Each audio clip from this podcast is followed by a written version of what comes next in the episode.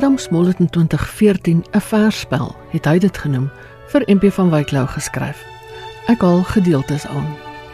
Van Wyk Lou ek skryf op laas vir jou hierdie huldiging, 'n prysgedig.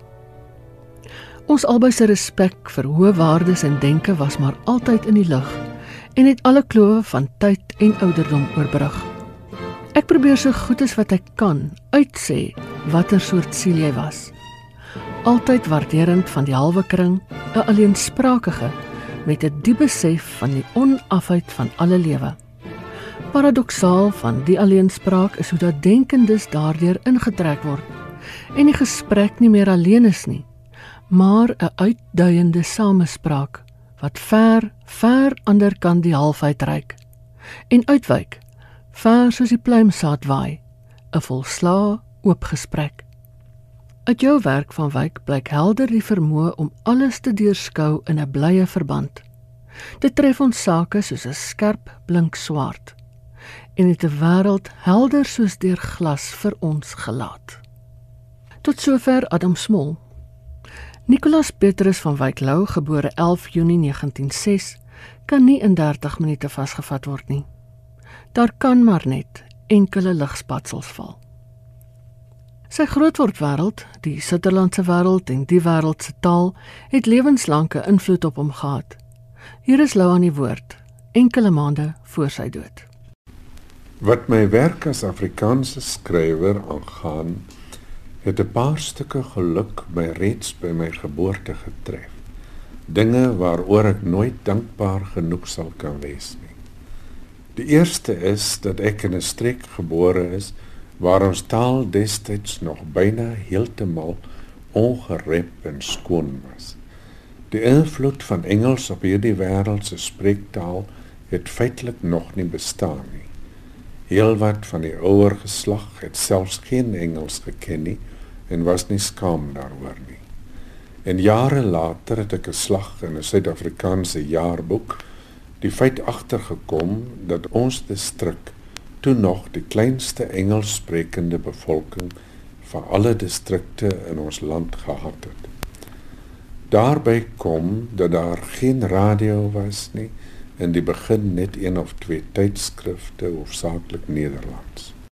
In ons huis is wel soms Engels en baie goeie Engels vir ons kinders se opvoeding gepraat. En daar is Engels so half vertalend voorgeles. Spoedig ook is bepaal, soos destyds dikwels gebeur het, dat op sekere dae alleen Engels aan tafel gepraat mag word. Daardie dae het ons dan voorbeeldig die vermaaning gedenk dat kinders gesien maar nie gehoor moet word nie. Ons dorpsbiblioteek waarheen ons baie jonk geneem is, het heelwat Nederlandse boeke bevat en dies deur ons self gelees sodra ons kon.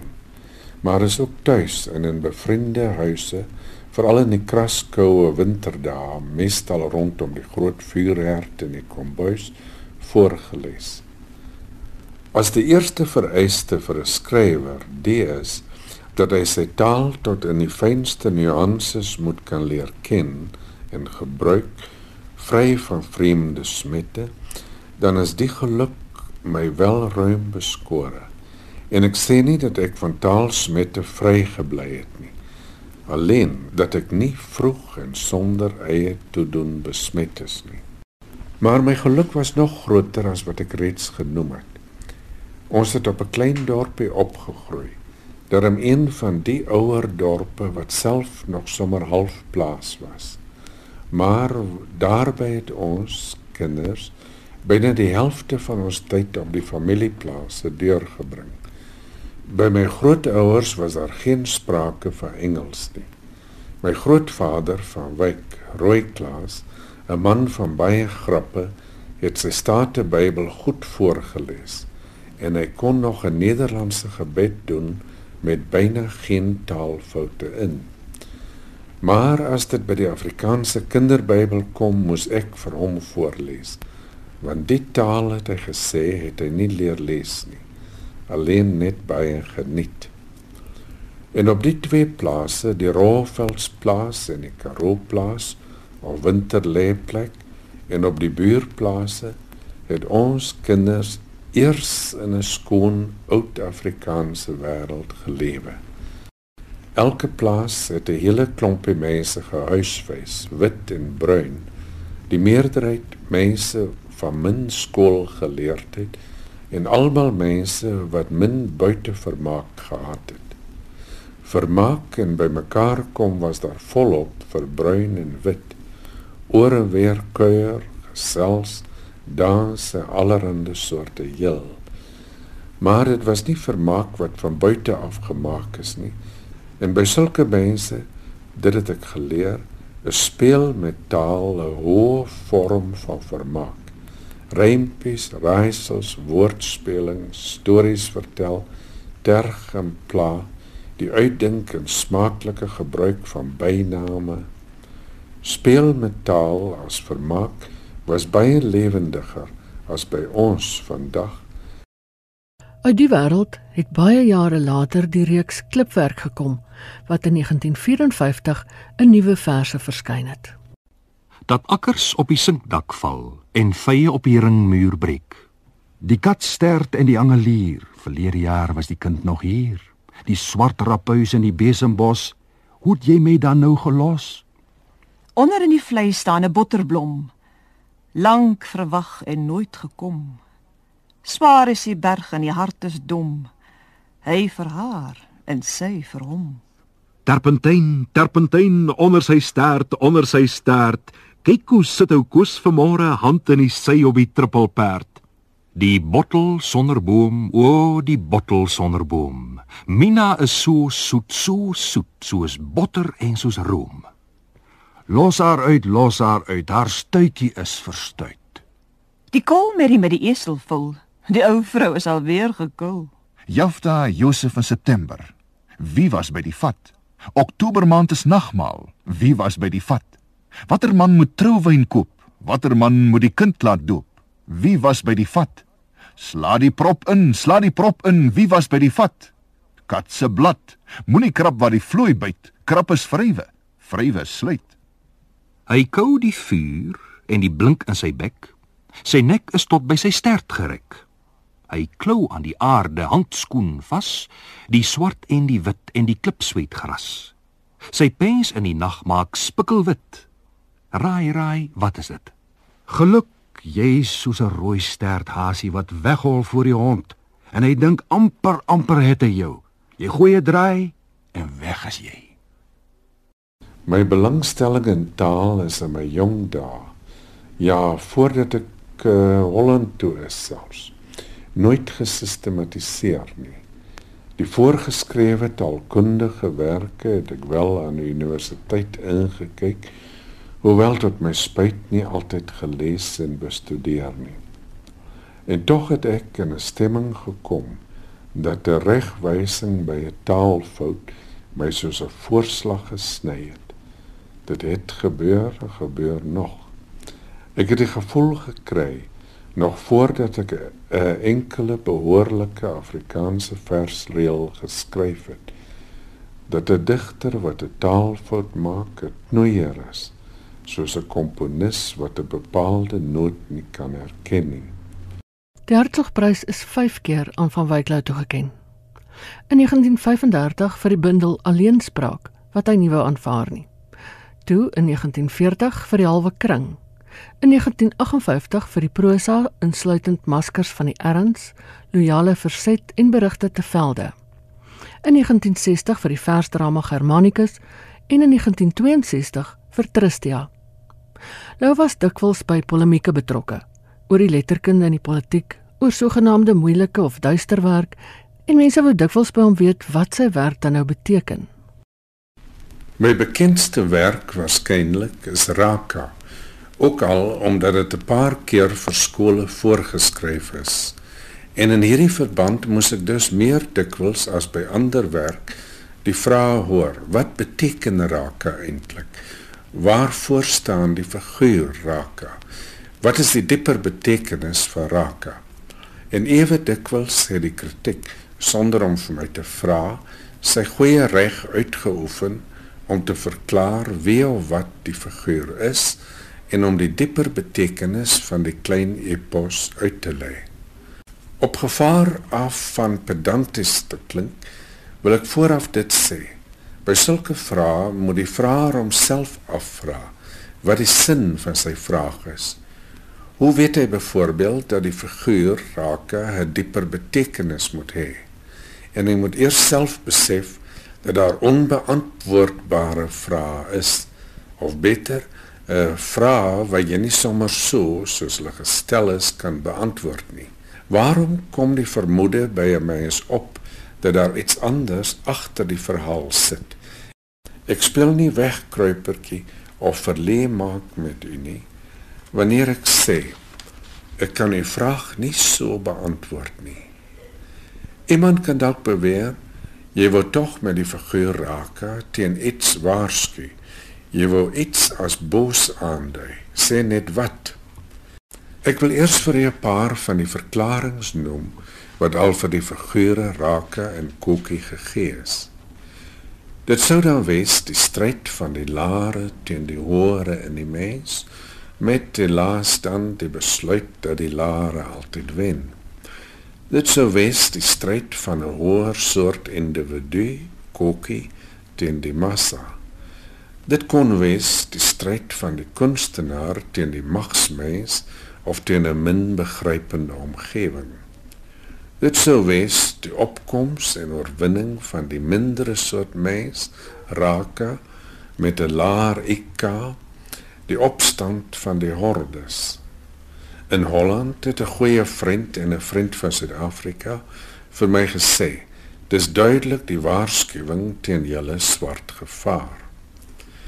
Vir hierdie vriend kon ek maklik antwoord dan is dit darm vreemd dat die held ook 'n swart is. Ja, dat selfs die hele bedreigde stam swart is. By die ander verklaringe van Raka sou mens so iets kon vra soos uh, die stryd van die lare teen die hoore in die mens sê sou u so presies kon sê wat is hoor wat is laar in die mens U weet dit miskien, maar vir die res van die mensdom is dit dalk onduidelik. Is die sintuie dalk laer en die verstand hoër? Sien nou maar iemand kom vertel dat die verstand die mens se ondergang is. Wat dan? En wat van die waarheid dat God na al die dinge wat hy geskep het, gekyk het en gevind het dat hulle baie goed is? Dan skemer die mondelike deur dat die goeie simbool iets is wat hom nie deur een of ander tydgebonde beskouing wil laat vasvang nie. Die poesie is te ryk vir een enkele isme, net soos die simbool te ryk is vir een enkele betekenis. Iemand kan nou sê en tog elkeen van die verklaringe van Raka wat jy genoem het, het tog iets van die waarheid in hom of hoe? Juis, dis alleen die poging om een verklaring tot die enigste en finale te wil maak wat verkeerd is. Die simbool omvat hulle almal tensy daar 'n verklaarder af en toe en daarom te ver gesogte eie visie op 'n simbool wil openbaar. Want die simbool toon eerbied vir die rykheid en volheid van die heelal van die geskiedenis van die mens. Dit wil afstand doen van die pretensie dat die digter volheid en rykheid met een verstandelike formulering kan vasvat. Hier volg twee uittreksels uit Raka. Die een deel is 'n voorlesing en die ander kom uit 'n opvoering met 'n spreekkoor en soliste wat in 1968 onder leiding van Monica Breed opgevoer is. Raka, die aapmens hy wat nie kan dink wat swart en donker is van been en spier 'n lenige boog en enkel dier. Oor kan die water het hy uitgestap uit die gebreekte riete en soos 'n kind wat om die grap van 'n bont kalbassie tandeloos en stil lag wit gegrens en neergehurk gewag.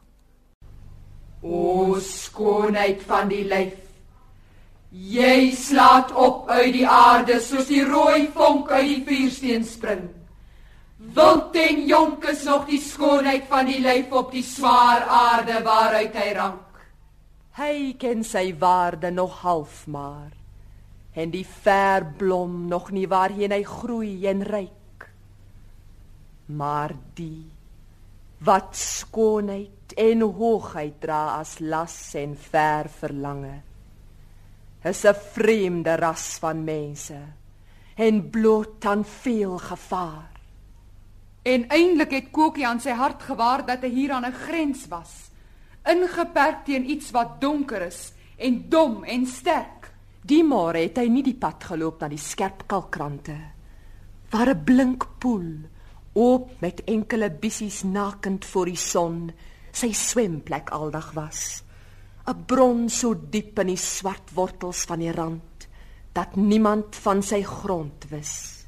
Kant en wal gedurig vol, diep opgewel en sonder inloop, skadeloos, maar koel van eie diepte en skerp omring met styl onveilige klippe. Geen dinge daar geroer Slegs seldsame verdwaalde manne het uit die dieptes enkele male opborreling en kwaai opkoek gehoor. Maar daglank was die water onverstoor onder die warm lug en stil en ongerep van giftige aal of krokodil. Nog 'n werk wat sterk simbolies was, was die opdragwerk vir die SAIK, Asterion, 'n radiofoniese opera wat in 1958 opgevoer is. Die komponis was die Nederlander Henk Bades. Die dirigent was Anton Hartmann. Asterion is gesing deur Gert Potgieter en die prinses was Nelly de Tooy.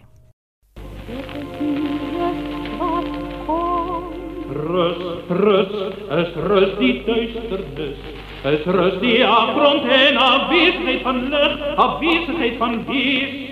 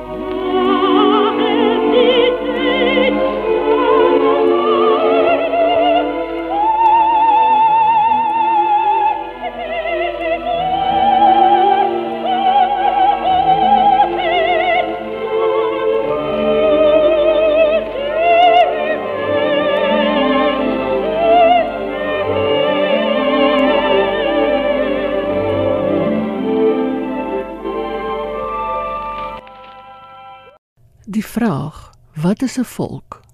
Wat is sy plek en sy aard en sy waarde? Kan as 'n sentrale tema in Lou se werk bestempel word. Ek wil vir hart tot hart praat.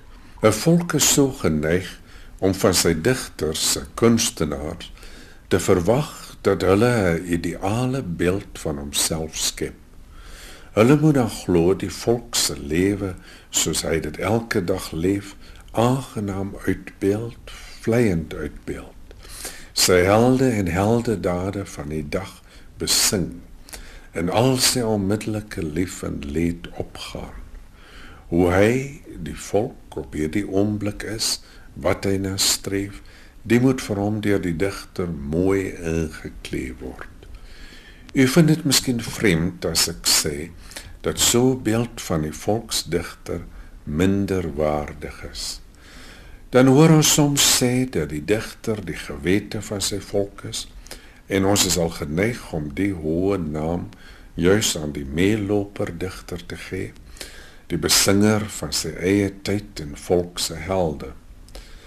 Maar 'n gewete het eintlik 'n ander taak om ons van eie skuld bewus te maak. Maar albei die digter as meeloper of as gewete is nog nie genoeg vir 'n volksliteratuur nie. 'n Volk moet nie van sy skrywers eis dat hulle alles in ooreenstemming met sy eie onmiddellike en beperkte denkvorme skep.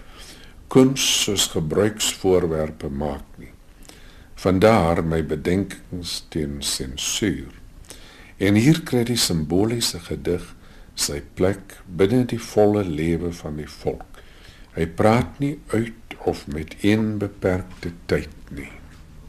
Keer op keer in my skrywerslewe het ek voor die muur van mening gekom dat ons hier teen 1935 of 1950 of 1970 presies weet hoe die wêreld is of moet wees.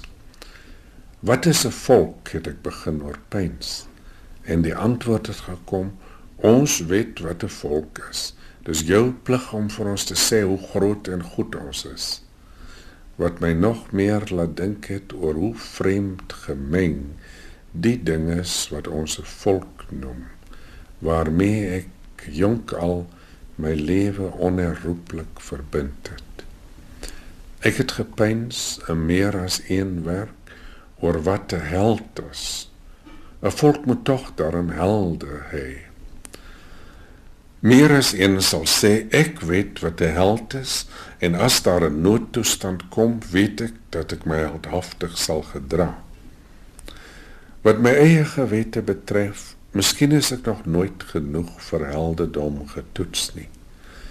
Maar ander dalk nog minder as ek getoets, weet wat 'n held is. Party weet selfs wat 'n tragiese held is en neem my my aarseling kwaliek. As 'n mens aanneem dat die simbole in 'n kunswerk iets is wat heelwat betekenisse in hom opsluit, dan is meer van 'n mens se werk as wat jy self besef dalk simbolies. Die drama Die Pluimsaad waai ver is geskryf vir die 5de Republiekfees in 1966.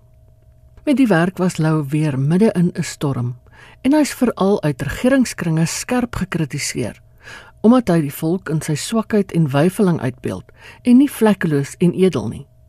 Hier is 'n uittreksel uit die drama wat later deur Truida Lou vir SAK verwerk en opgevoer is.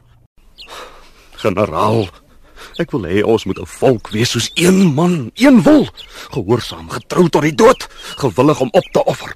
So is die Engelse vandag ons nie. Klaar jy nie te veel oor jou volk nie. Maar rus, kommandant. Jy het dit nodig. Kyk.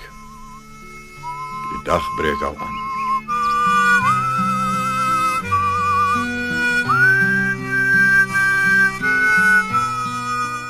Wat is 'n volk? Uit stof en stof in tyd is ons gemaak, anoniem, 'n massa, maar elkeen met sy naam en eie aard. En stof in oordeel niemand heilig voor God nie. Van die slegte soms verloste sondaars. Van die goeie soms so vaardig op hul goedheid en hul strewe. Geen dappere altyd dapper. Ja. Stof is ons uit sulke stof gemaak. En stof in tyd. 'n Groot tyd toe ons volk gesif is of gebrei of bo die louter vlamme gelaat brand maar geen volk het ooit rus van louter vlamme.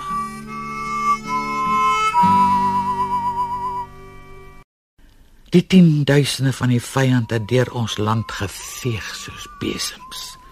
Met blokkies en doringdraad die land in mote verdeel. Dag en nag gedryf om verstein en de wet te vang. Stein en de wet. Stein en de wet. As hulle dik kon vang was die oorlog oor. Goed. Ons was 'n vlugtende republiek, ja, maar waar steenende wet was, het die republiek geleef, bestaan, geleef. 'n Pluimsaad wat gewaai is om te groei. En toe is my lewe deur die oorlog gebreek.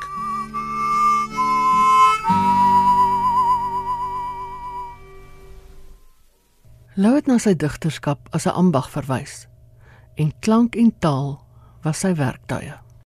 Om 'n geheel te kry, komponeer 'n mens veel meer met die oor wat alle vorige klanke en beelde saamgevang hou met die nuwe wordende klank. Veel meer eh, met so 'n oor as met die berekenende brein. En wie nie verse kan hoor nie, moenie oor poesie praat nie. Maar iemand sou kon sê dat ek hier nie van die verse praat wat werklik moeilik is nie. Die van later wat ek simbolies genoem het. Byvoorbeeld die buiteltjie en die swart luiperd. Eersgenoemde lees ek vir u voor. En as dit nog eenvoudiger van woord moet wees, dan weet ek nie hoe dit kan nie. Ek kry 'n klein klein buiteltjie. Ek tik hom en hy klink. Toe slyp ek en ek slyp hom totdat hy klink en blink. Ek sit 'n klippie op 'n rots. Mens moet jou vergewis, 'n buitel moet kan klip breek as hy 'n buitel is. Ek slaat hom met my buiteltjie en dit was sterk genoeg. Daar spring die klippie stukken so skoon soos laaste voeg. Toe onder my 10 vingers bars die grys rots middeldeur en langs my voete voel ek die sagte aarde skeur. Die donker naad loop deur my land en kloof om wortel toe. So moet 'n bytel slaan wat bytel is of hoe Dan met twee goue afgronde val die planeet aan twee en oor die kraanse kokend verdwyn die vlakgroen see. En op die dag sien ek die nag daar ander kant gehoop met 'n bars wat van my bytel af dwars deur die sterre loop.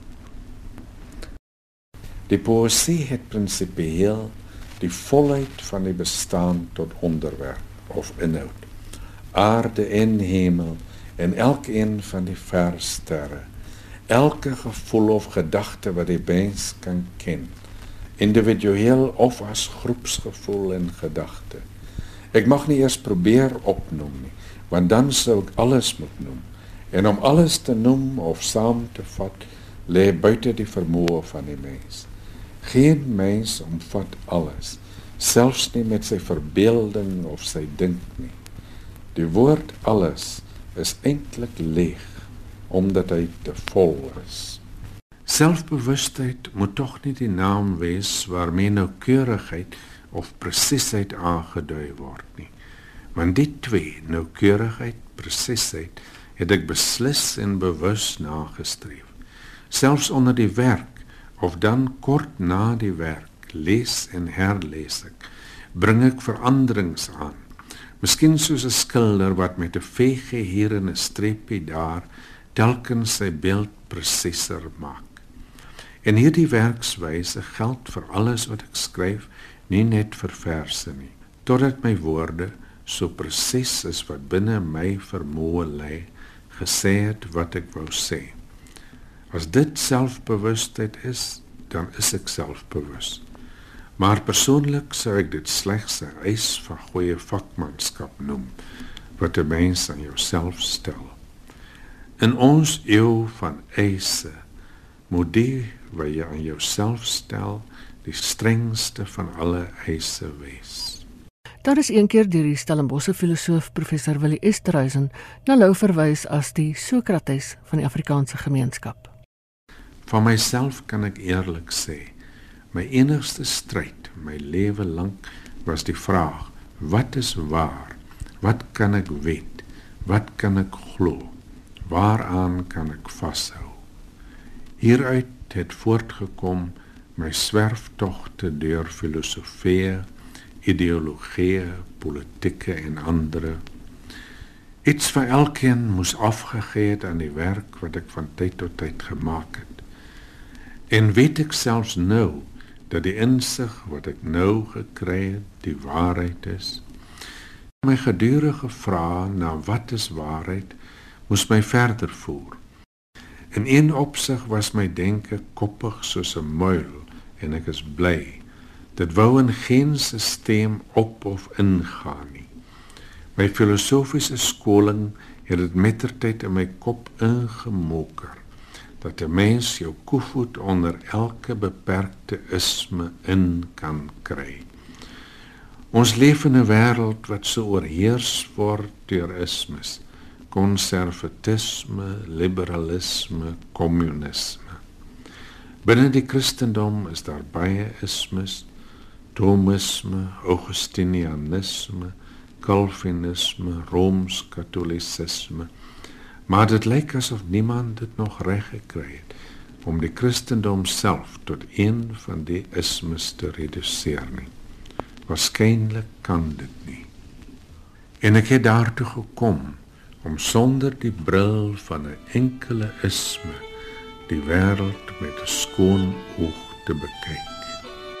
Adam Smol sluit sy gedig af. Al wat uiteindelik sal staan en bly, is die heelsame, onverstoorde klank van jou duister maar helder woorde. Wees veilig waar jy nou ook al is, groot digter. En volgens die monumentale biografie NP van Wyk Lou, 'n lewensverhaal geskryf deur professor Jaap Steyn, weet niemand waar Lou se as gestrooi is nie. Daar is net 'n gedenkplaatjie met sy naam op in die Bramfontein begrafplaas in Johannesburg.